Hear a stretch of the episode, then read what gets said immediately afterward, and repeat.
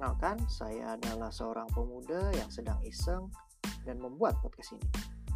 Podcast ini akan berisi tentang segala hal yang saya ingin tuangkan dan ceritakan. Isinya bisa beragam, bisa mulai seputar gadget, unek-unek, pemikiran, dan yang pasti bukan tentang gosip artis-artis ibu kota. Akhir kata saya ucapkan selamat menikmati keisengan saya dan sampai jumpa.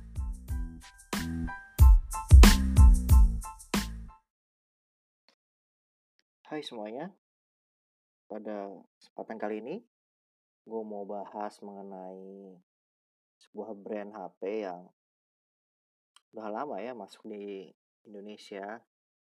Ya, gue akan bahas pengalaman gue dan pengenalan gue akan brand ini. Itu adalah brand Xiaomi. Gue pribadi sih kenal Xiaomi itu udah lama ya. Uh, dulu semenjak Redmi Note 3, Redmi 3 dan Redmi Note 3 lah. Saat-saat itu tuh Xiaomi belum resmi. Dan zaman itu tuh banyak banget kabar beredar. Di mana Xiaomi tiba-tiba masuk ke pasar Indonesia, tapi bukan sebagai sebuah brand smartphone yang resmi, masih dengan garansi distributor. Terus gue dengar-dengar kabar mengenai chipsetnya yang ngebut dengan harga yang murah tapi ya sisi negatifnya gue juga dengar ternyata chipset yang ngebut ini mengakibatkan HP-nya juga cepat panas. Meskipun gue dulu juga pernah pakai Asus Zenfone 5 yang generasi pertama ya. Ya dari kabar yang gue dengar sih nggak nggak sepanas Zenfone 5, tapi untuk ukuran orang-orang yang suka mungkin main game atau menggunakan HP ini, mereka tetap mengeluhkan tentang HP-nya yang cepat panas. Terus gue dulu juga sempat akhirnya ya menimang-nimang lah. Waktu itu gue lagi butuh sebuah smartphone baru karena HP gue yaitu Zenfone 5 udah wah, udah cukup apa ya berat lah.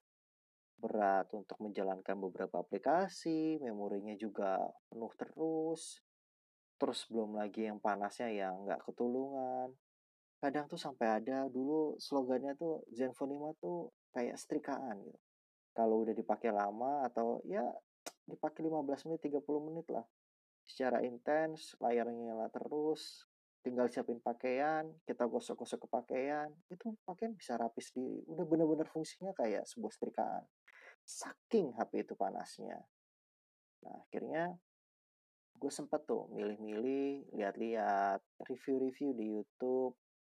Gue dulu sempat mau beli ini uh, Advan Jiwan ya Advan Jiwan kalau nggak salah dulu. Cuman beberapa reviewnya itu agak apa ya kurang kurang meyakinkan gitu.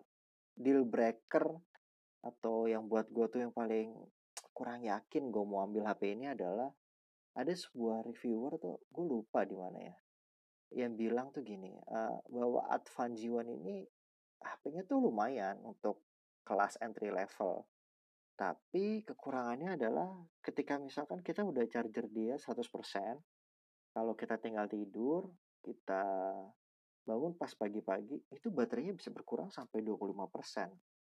Jadi HP di baterai itu tinggal 75% dan buat gue itu cukup uh, mengganggu ya. Gimana kita kalau kalau gue sih tipenya orangnya jarang untuk ninggalin HP charger terus bangun-bangun baru cabut HP-nya rata-rata kalau nggak gua sebelum berangkat charger dulu itu malamnya gue charger. Dan kalau seandainya malam gue charger pagi bangun harusnya gue pengennya full dong. Tapi ternyata tinggal 75% berarti kan dia juga termasuk baterai yang cukup boros. HP yang dengan baterai cukup boros. Terus akhirnya gue sempat ngelirik Redmi 4A cuma gue masih kayak bingung karena Xiaomi juga waktu itu kan masih brand baru. Dan akhirnya ya gue ngeberaniin diri aja sih untuk nyoba Redmi 4A ini. Cuman ketika gue harganya wah gue lupa deh. Kalau nggak salah Redmi 4A tuh sempat ini uh, dulu sempat keluar dulu Redmi 4A garansinya masih distributor lama beredar baru setelah sekian bulan lah. Iya sekian bulan lama, lama hampir setengah tahun lah baru muncul Redmi 4A yang resmi. Nah sekalinya muncul Redmi 4A yang resmi, waktu itu gue pas banget gue mau beli, itu gue liat harganya, wah jauh banget bedanya. Udah harganya jauh banget bedanya yang restocknya juga susah setengah mati.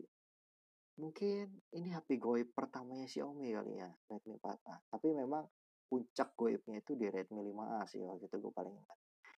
Dan balik lagi ya gue akhirnya memilih membeli Redmi Xiaomi Redmi 4A yang ya garansi distributor waktu itu gue beli kalau nggak salah garansi Bisel cuman kata sellernya sih aman roomnya adalah room global. Jadi kita akan dapat update bukan room Cina atau room abal-abal.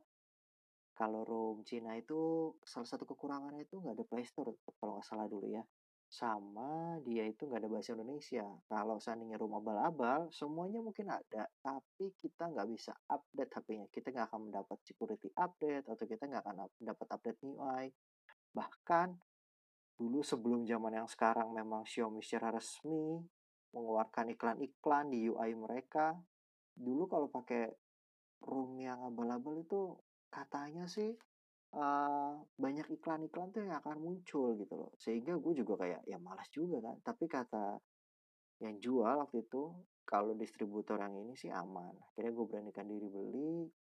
Dan setelah gue coba pakai Redmi 4A meskipun distributor dan untungnya gue dapat benar roomnya yang room global dan semuanya lancar-lancar aja dan gua nggak waktu zaman gue dulu tuh belum ada iklan-iklanan kayak gitu. Semua masih aman jaya dan zaman itu enak banget dipakai jauh melebihi Zenfone 5 ya mungkin karena memang Redmi 4A kan generasi yang lebih baru ya dan itu tuh sampai dulu gue inget banget review-review di YouTube sampai banyak banget yang berani ngebandingin Redmi 4A dengan Vivo V5 yang jelas-jelas notabene tuh kayak untuk head to head tuh gila sih. Redmi 4A gue beli 1 juta, sementara Vivo V5 itu harganya 3 jutaan. Itu gila, tapi dia masih tetap bisa ngimbangin itu. Dan setelah gue pakai Redmi 4A, untuk harganya, kameranya, segala macam itu bagus. Dan gue cukup puas. Alhasil ketika sampai pada dua atau tiga tahun gue pakai 4A gue mulai merasa gue butuh beli HP yang baru upgrade smartphone karena waktu itu udah gue butuh apa ya hmm, memori internal tuh yang lebih RAM juga harus yang lebih karena waktu itu kan gue beli karena budget gue terbatas gue beli Redmi 4A tuh yang RAM 2 GB dengan internal 16 otomatis ya gue agak salah sih memang sih. Ketika gue move on dari Zenfone 5 gue ke Redmi 4A RAM-nya juga nggak apa memori internal tuh juga nggak terlalu beda jauh ya cuma 16 GB juga jadinya cepet cepet habis cepat ada tulisan memori full hapus beberapa data dulu segala macam itu. Lalu akhirnya gue ketika itu dengan budget yang terbatas juga gue mengincar Redmi Note 5 dulu lagi gencar-gencarnya itu. Sebelumnya Redmi Redmi 5A yang goib banget. Pas Redmi Note 5 pas Redmi Note 5 keluar wah itu luar biasa goibnya setengah mati. Dia tuh head to headnya dulu zamannya Redmi Note 5 sama Asus Zenfone M1 iya ya eh iya iya. Asus Zenfone M1 kalau nggak salah. Ya pokoknya Asus yang zaman itu tuh dikasih slogan HP gaming. HP-nya para gamers. Budget gaming. Jadi dua HP ini dengan dua sektor ini memiliki harga yang kurang lebih nggak beda jauh. Terus chipsetnya sama-sama pakai Snapdragon 636. Cuma bedanya dulu Redmi Note 5 itu terkenal kameranya lebih bagus. Nah waktu itu sih gue nggak nggak begitu ngeririk Asus ya. Karena gue masih trauma gitu dengan pengalaman gue pakai Zenfone 5. Dan karena gue dulu sebelumnya pakai Redmi 4A cukup puas, akhirnya gue lebih memilih brand yang Redmi juga, yang Xiaomi juga Cuma memang karena gue pikir Redmi 4A gue dulu dapat yang distributor aja aman, akhirnya gue juga beli yang Redmi Note 5 yang distributor. Karena itu tadi, karena udah goib, yang resminya juga harganya beda jauh banget. Tapi akhirnya ternyata gue cukup kecewa sih, karena waktu gue beli Redmi Note 5 ini gue dapat ROM yang abal-abal. Waktu itu sempat gue komplain ke penjualnya, terus kita janjian ketemuan, tuker unit juga gue yang boleh gue sampai disuruh boleh milih nomor serial numbernya. Itu gue cuma tahu cara untuk ngebedainnya adalah yang ada berapa titik-titik itu. Kalau nomor angkanya segini segini segini itu artinya roomnya room global atau segala macam gue cuma berpaku pada itu dan akhirnya gue pilih dan ternyata ya setelah tuker unit ya gue zong zong juga. Dan gue ya ya udahlah soalnya gue juga bingung ya gue mau nyalain sellernya tapi gue juga udah milih unitnya. Itu kan berarti udah kesalahan di gue akhirnya ya ya gue terima akibatnya aja lah. Karena memang ya gimana gue juga beli unit yang distributor. Jadi ya ya ada plus minusnya lah. Cuma untungnya eh, isu-isu gue dulu yang gue kira kalau seandainya pakai room yang distributor room yang abal-abal itu akan dapat banyak iklan. Baterainya jadi boros ngecasnya lama dan segala macam yang gak sama lah dengan room yang seandainya pakai room global atau room resmi. Dan waktu gue pakai yang Redmi Note 5 ini semuanya fine. Kameranya juga tetap bagus. Bak ya sisi negatifnya ya gue nggak bisa nginstal room yang ini ya uh, room yang gue ganti room ke room yang global. Waktu itu gue sempat bawa juga ke Roxy dan beberapa orang dari sana tuh nggak ada yang berani untuk ngebongkar segala macam untuk ganti roomnya karena katanya Redmi Note 5 ini agak susah lah pokoknya kayak ya udah gue terima dengan lapang dada pakai apa adanya aja. Nggak ada security patch update nggak ada update MIUI jadi gue nggak ngerasain pembaruan MIUI apa pun. Pokoknya ya gue pakai ROM yang gue dapet itu aja. Gue lupa kalau nggak salah gue masih stuck di MIUI 9 iya MIUI 9 kurang atau 8 gitu. Di Androidnya Android Oreo. Iya Androidnya masih Android 8 Oreo. Dan ya udah gue pakai aja tapi nggak ada kendala sama sekali lalu akhirnya gue juga selang berapa ya itu ya? Oh ya Gak berapa lama gue juga akhirnya ngejual Redmi 4A gue dan gue juga untung waktu itu. Karena waktu itu Redmi 4A gue gue beli dengan harga 1 juta dan untungnya adalah gue jual dengan harga 750 ribu. Padahal gue udah pakai sekitar 2 sampai 3 tahun.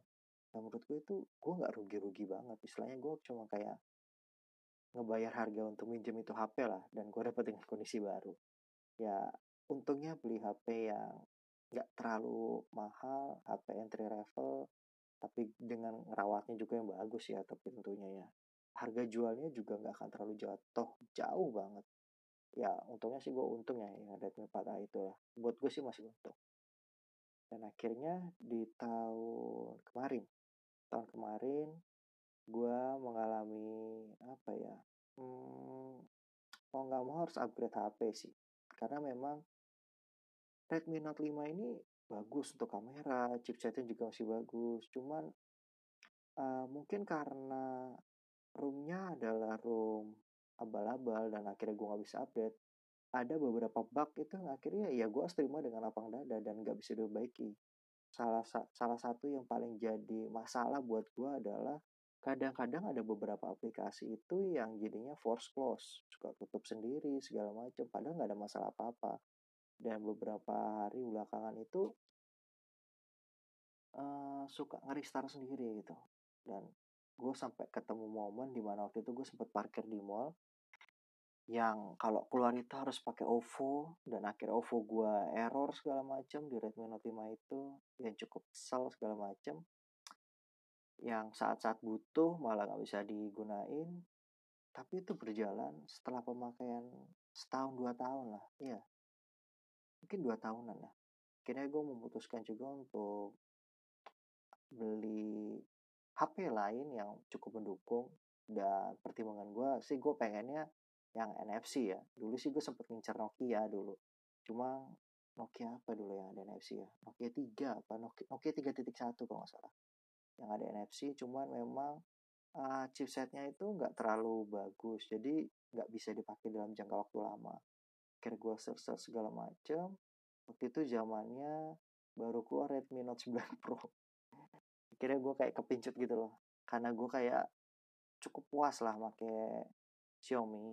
Ya disclaimer sedikit bahwa gue memang bukan fanboynya Xiaomi karena gue juga pakai beberapa brand-brand lain gue sempat pakai Asus bahkan gue juga sempat pakai Vivo segala macam tapi memang Xiaomi ini unik sih. Uniknya itu dia berani memberikan harga murah dengan chipset yang melebihi dari range harga segitu dan gue cukup orang yang memikirkan chipset itu cukup penting untuk bisa dipakai dengan periode waktu lebih lama.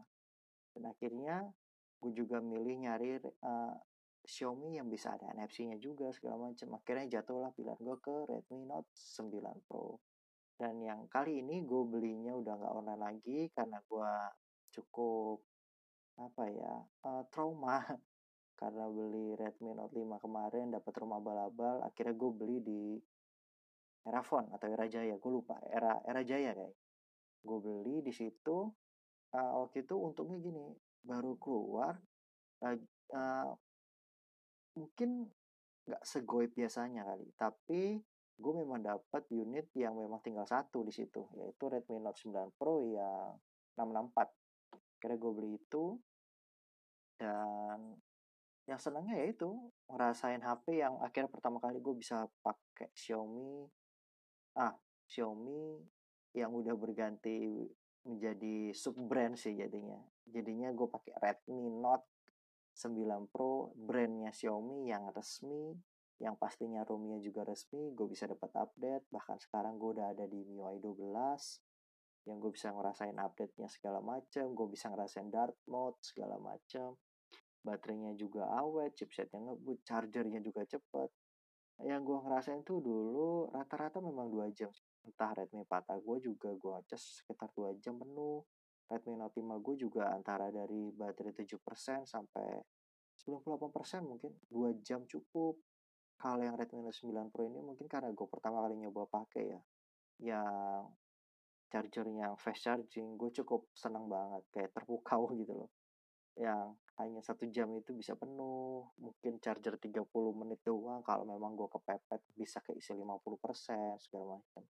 Yang bikin kecewa bukan di Redmi Note 9 Pro nya tapi di nggak lama setelah gue beli Redmi Note 9 Pro gak sampai sebulan tiba-tiba Xiaomi dengan sub brandnya yaitu Poco mengeluarkan Poco X3 NFC dengan harga yang lebih murah dengan chipset yang lebih baru. Ya beda tipis sih tapi tetap chipsetnya lebih baru dan ada NFC-nya juga dan dengan refresh rate layar yang 120 dan itu cukup buat gue kayak wah, agak menyesal tapi ya ya udahlah. Toh gue juga udah mendapatkan benefit atau keuntungan beberapa minggu memakai Redmi Note 9 Pro ini.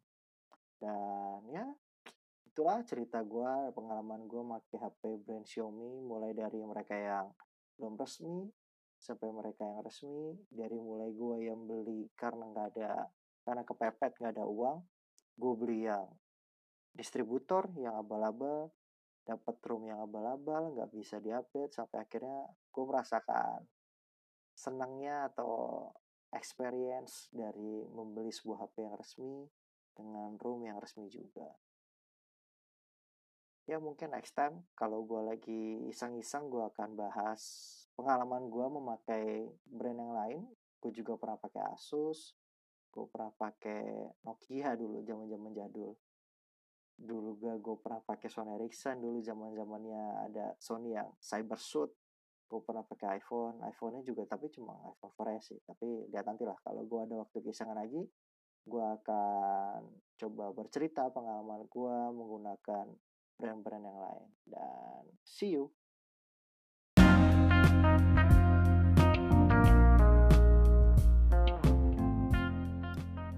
Hai, balik lagi di konten Pemuda Iseng. Uh, pada kesempatan kali ini gue mau men-share atau mau membagikan pengalaman gue atau pengetahuan gue dalam gimana caranya kita memilih sebuah handphone.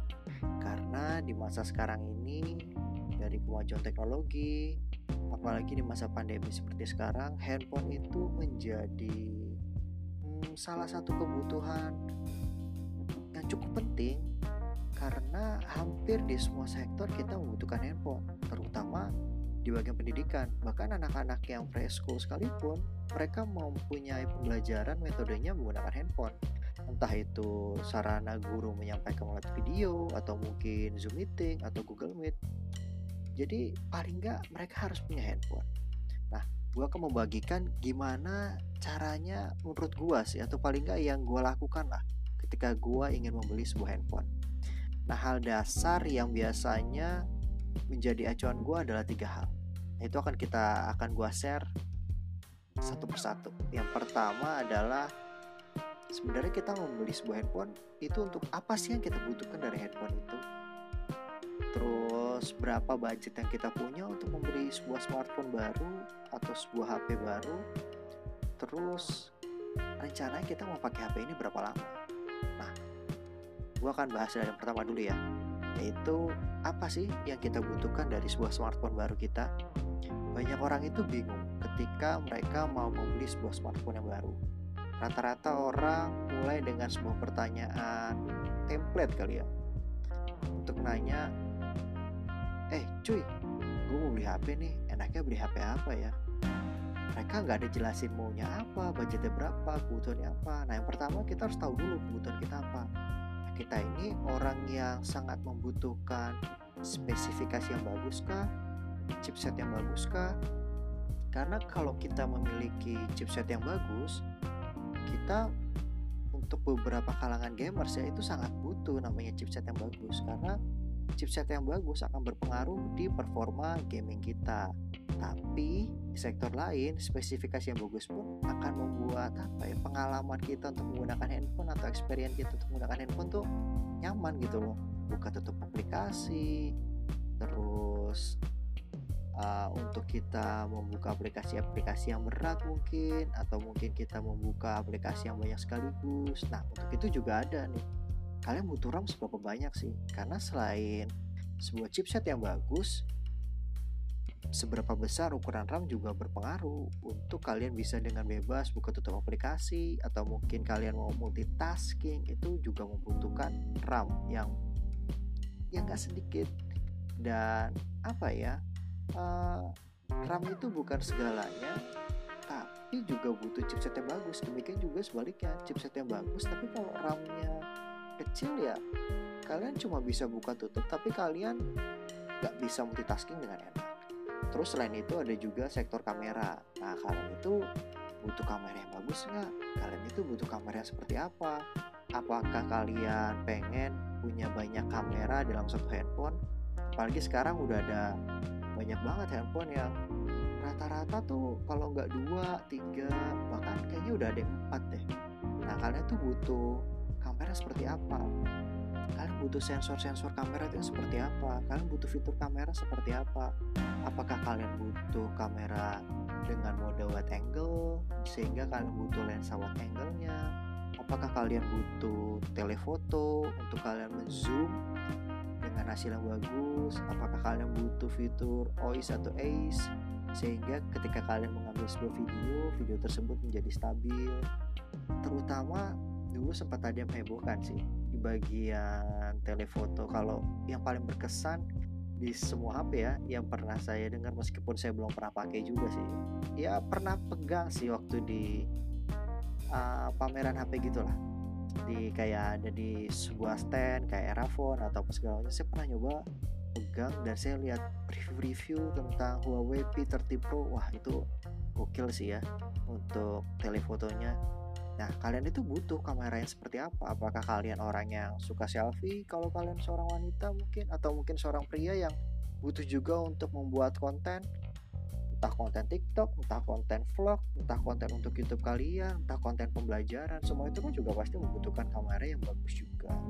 Nah, selain dari spesifikasi, RAM, kamera, apakah kalian membutuhkan fitur yang kekinian? Contoh, kalau gue kemarin terakhir beli handphone, gue itu bener-bener ngincer yang namanya fitur NFC. Kenapa gue butuh itu? Karena uh, mobilitas gue ketika gue keluar rumah rata-rata itu gue selalu make e-money dan agak ribet aja gitu ketika gue lupa saldo terakhir berapa ya ketika gue ingat wah saldo gue tinggal dikit nih gue harus ngisi nih dan ketika gue mau pakai itu mendesak atau buru-buru sehingga gue pengen itu langsung bisa isi dari handphone dan gak ribet jadi gue milih HP yang punya fitur NFC Nah, apakah kalian membutuhkan fitur itu kah? Atau mungkin kalian juga bisa tipe orang yang pengen punya HP dengan inovasi yang terbaru.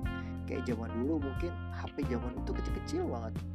Terus muncullah HP dengan layar-layar yang besar. Apa waktu dulu sehingga orang berlomba-lomba apa ya uh, untuk punya pulpen dan mencoret-coret itu di kamera itu menjadi suatu hal yang baru gitu sehingga banyak orang yang pengen nyoba inovasi tersebut.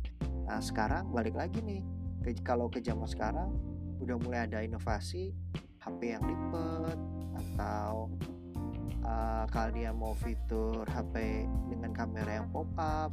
Jadi banyak fitur-fitur yang mulai kekinian dan kalian itu butuh fitur itu nggak sih? Nah selanjutnya kalian juga perlu memikirkan kalian itu butuh nggak sih handphone dengan baterai yang besar? Karena dulu gue pernah punya pengalaman gue itu punya HP yang cuma gue pikirin itu cuma chipset juga dengan RAM-nya. Ya kalau kamera bonus lah mungkin buat gue ya kalau seandainya gue punya kamera dengan HP bagus. Sekarang gue bukan tipe orang yang dulu suka dengan foto-foto. Nah gue butuh baterai yang besar. Karena ternyata ketika itu gue beli baterai dengan kapasitas yang kecil. Waktu itu zamannya Zenfone 5 kalau nggak salah. Dan itu aduh sehari itu gue bisa ngecas dua kali mungkin bisa tiga kali kalau gue lagi pakai HP itu terus-terusan. Sehingga akhirnya gue beralih dari Asus Zenfone 5 yang generasi pertama yang HP setrikaan itu terus gue nyobain Asus Zenfone Max yang generasi pertama yang 5000 mAh terus nge tapi nge ngecasnya itu sampai 3 jam lebih gitu tapi gue puas dengan performa baterainya. Ketika sekali ngecas dengan tiga jam itu gue bisa satu harian paling nggak gue pasti bisa satu harian itu tanpa ketemu charger lagi. Kalau seandainya nggak gue pakai ya mungkin bisa satu setengah harian. Nah sampai suatu ketika gue nemuin problem nih. Wah ketika gue buru-buru gue ngecas ngecasnya ternyata lama untuk isinya. Dan akhirnya gue mikir kayak kayaknya gue butuh deh fitur charging fast charging gitu loh fitur pengisian baterai dengan cepat gitu loh akhirnya mulai tuh gue berpikir oh berarti ketika mau beli handphone selain baterai yang besar gue perlu memikirkan nih apakah gue perlu ya untuk mempunyai fitur atau charging yang cepat gitu? Jadi ketika gue terdesak seandainya gue harus buru-buru jalan tinggal colok ditinggal bentar mungkin gue tinggal mandi siap-siap gue cabut. Ya minimal udah keisi lumayan banyak lantas setengah atau mungkin hampir penuh. Nah selain itu kalian juga perlu menentukan apakah kalian butuh HP dengan layar yang besar ukuran HP yang besar. Karena kalau ketika kalian butuh baterai yang besar rata-rata pasti konsekuensinya kalian akan memiliki baterai yang besar apa HP yang besar juga. HP yang besar juga akan diikuti dengan bobot yang besar juga. Nah, apakah kalian mau menanggung konsekuensi itu ketika kalian harus bawa HP di dalam kantong dan terasa berat atau terasa nonjol dari kantong? Atau kalian pengen HP yang compact, yang kecil, yang enak dipegang dengan satu tangan, yang kalau ke mana-mana bawa ringkes tinggal masukin kantong dan gak terlalu nonjol? Terus juga kalian perlu mempertimbangkan tentang layar handphone. Layar handphone tuh bisa bermacam-macam ya. Ya paling apa ya rata-rata yang paling kita tahu itu ya kalau nggak IPS AMOLED dulu kan. IPS AMOLED. Kalau IPS apakah resolusinya Full HD atau Full HD Plus? Nah kalau AMOLED apakah mau yang AMOLED biasa atau Super AMOLED atau OLED? Nah sampai saat ini sekarang ada opsi yang terbaru lagi. Selain daripada AMOLED IPS Full Full HD SD Plus uh, atau mungkin HD doang untuk ngirit baterai ada yang namanya layar dengan refresh rate yang terbaru. Ada yang refresh rate-nya 60, 90 sampai 144 terus selain itu kalian membutuhkan sebuah handphone untuk apa? apakah untuk keperluan kehidupan kalian atau untuk gaya hidup kalian? Karena ada beberapa orang yang gue temuin teman-teman gue beli handphone itu bukan karena mereka butuh itu karena mereka ngincer gaya hidup aja. Pengen di, dilihat orang tuh kayak wah keren ya pakai HP yang up to date wah keren ya pakai HP yang ada logo buah apel yang kegigit dikit. Terus ada juga mungkin teman-teman gue tuh yang ketika membeli sebuah handphone tuh tergantung dari brand. Mereka tuh kayak fanboynya Xiaomi. Akhirnya mereka beli handphone ya harus Xiaomi. Ada mereka yang fanboynya Samsung. Akhirnya mereka beli Samsung. Karena ya nggak bisa dipungkiri ya ketika sebuah brand itu bisa memanjakan konsumennya dengan baik konsumen itu pasti akan ya balik lagi dan loyal ke brand tersebut. Mungkin contoh kayak Xiaomi. Xiaomi itu menurut gue ya konsisten banget memberikan spesifikasi yang bagus dengan harga yang terjangkau. Sehingga orang-orang yang jadi fanboynya dia ketika dia mau ganti HP dari Xiaomi ya mereka akan cari Xiaomi juga yang sudah mereka percaya memiliki spesifikasi yang bagus bisa main game dengan enak tapi dengan harga yang terjangkau. Tapi nggak bisa dipungkiri juga teman gue pun ada yang fanboynya Samsung. Kenapa mereka suka Samsung? Padahal harganya relatif lebih mahal dengan spesifikasi yang biasa aja bahkan kayaknya terlalu mahal untuk harga segitu. Tapi ternyata Samsung juga memberikan layanan servis yang baik, pengejual yang baik, sehingga ya mereka apa ya mereka akan balik lagi dan percaya untuk menghabiskan uang yang lebih, tapi mereka mendapatkan kenyamanan ketika mereka servis atau ketika mereka mau jual HP itu kembali. Nah itu yang pertama, kita harus mengidentifikasi dulu nih apa yang kita butuhkan. Yang kedua, ketika kita membeli sebuah handphone, kita harus tahu berapa budget kita. Karena ini cukup penting. Ada beberapa orang yang gue kenal itu mereka maksain banget untuk membelikan membeli sebuah handphone baru entah untuk kebutuhan yang mendesak atau kebutuhan hanya gaya hidup sehingga akhirnya bukan yang mereka menyelesaikan satu permasalahan tapi mereka menimbulkan masalah yang baru. Entah mungkin mereka membelinya dengan kredit entah mungkin mereka membelinya dengan mengambil budget uang dari yang harusnya mereka habiskan mungkin untuk membayar kuliah atau yang tadinya untuk keperluan mendesak lainnya. Sehingga ya mereka mungkin dapat handphone yang baru tapi mereka mempunyai masalah yang baru juga. Nah kalau budgetnya mungkin mepet kalau seandainya nggak buru-buru ya saran gue sih ya nabung aja. Kalau seandainya kalian mau punya handphone yang ya paling nggak uh, layak pakai dalam waktu yang nggak sebentar. Tapi kalau seandainya memang urgent ya mau nggak mau seperti gue pun juga pernah ngalamin itu. Gue beli aja HP yang seadanya dulu yang ngepas di budget gue tapi sembari gue ketika beli itu gue juga nabung lagi untuk nantinya biar nggak dalam jangka waktu lama gue pakai HP itu gue jual lagi HP itu dan gue beli handphone yang memang gue pinginin dengan uang tabungan gue yang habis gue tabung habis beli handphone kemarin. Nah itu dari segi budget. Nah yang ketiga yang terakhir kalian itu harus menyadari kalian itu tipe orang seperti apa apakah kalian tipe orang yang setia pakai HP yang sekali beli mungkin bisa mahal tapi kalian bisa pakai sampai lima tahun mungkin kalian bisa pakai sampai enam tahun atau paling nggak at least tiga tahun dua tahun lah. Atau kalian tipe orang yang sukanya tuh ya gonta-ganti handphone.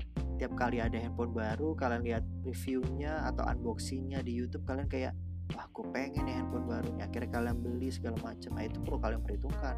Karena kalau menurut gue ya kalau kalian memang nggak kaya kaya banget atau punya banyak uang banget kalian harus memperhitungkan ini. Karena ketika mungkin kalian orangnya suka gonta-ganti HP tapi kalian punya budget yang ya minim lah. Kayak gue waktu itu uh, eh, gue bukan tipe orang yang suka gonta-ganti HP ya tapi gue itu cenderung beli HP itu di range harga 1 juta atau 2 juta. Kenapa karena gue ketika merawat sebuah handphone itu cukup baik lah. Jadi ketika gue jual kembali itu gak rugi-rugi banget. Kayak contoh kayak seperti yang gue pernah ceritain di podcast gue sebelumnya gue punya Redmi 4A dulu gue beli harga 1 juta. Gue pakai selama 2 tahun lebih jalan ke 3 tahun gue jual dengan harga 700 ribu 750 ribu. Artinya ya gue cuma rugi 250 ribu dan itu udah gue pakai hampir bukan hampir ya jalan ke tiga tahun. Nah ya hampir-hampir tiga tahun. Nah mungkin dua setengah sampai lebih dari dua setengah hampir tiga tahun mungkin. Dan itu gue cuma kepotong 250 ribu. Dan menurut gue itu nggak rugi-rugi banget. Nah itu enaknya kalau kita beli HP yang nggak terlalu mahal. Tapi kita juga harus pintar ngerawatnya. Atau kalian tipe orang yang suka pakai gonta-ganti handphone yang kalau dengan harga satu juta atau 2 juta ketika kalian jual kembali kalian itu nggak terlalu rugi banget dibandingkan ada sebuah brand handphone yang mengeluarkan handphone pertama dengan harga yang mahal seperti kayak sekali keluar 9 juta. Lalu nggak berapa lama sebulan dua bulan harga baru handphone itu udah jadi 7 juta dan itu udah menyusut 2 juta. Artinya kalau kalian mau jual lagi handphone itu kalian udah ruginya ya bisa setengahnya lebih mungkin.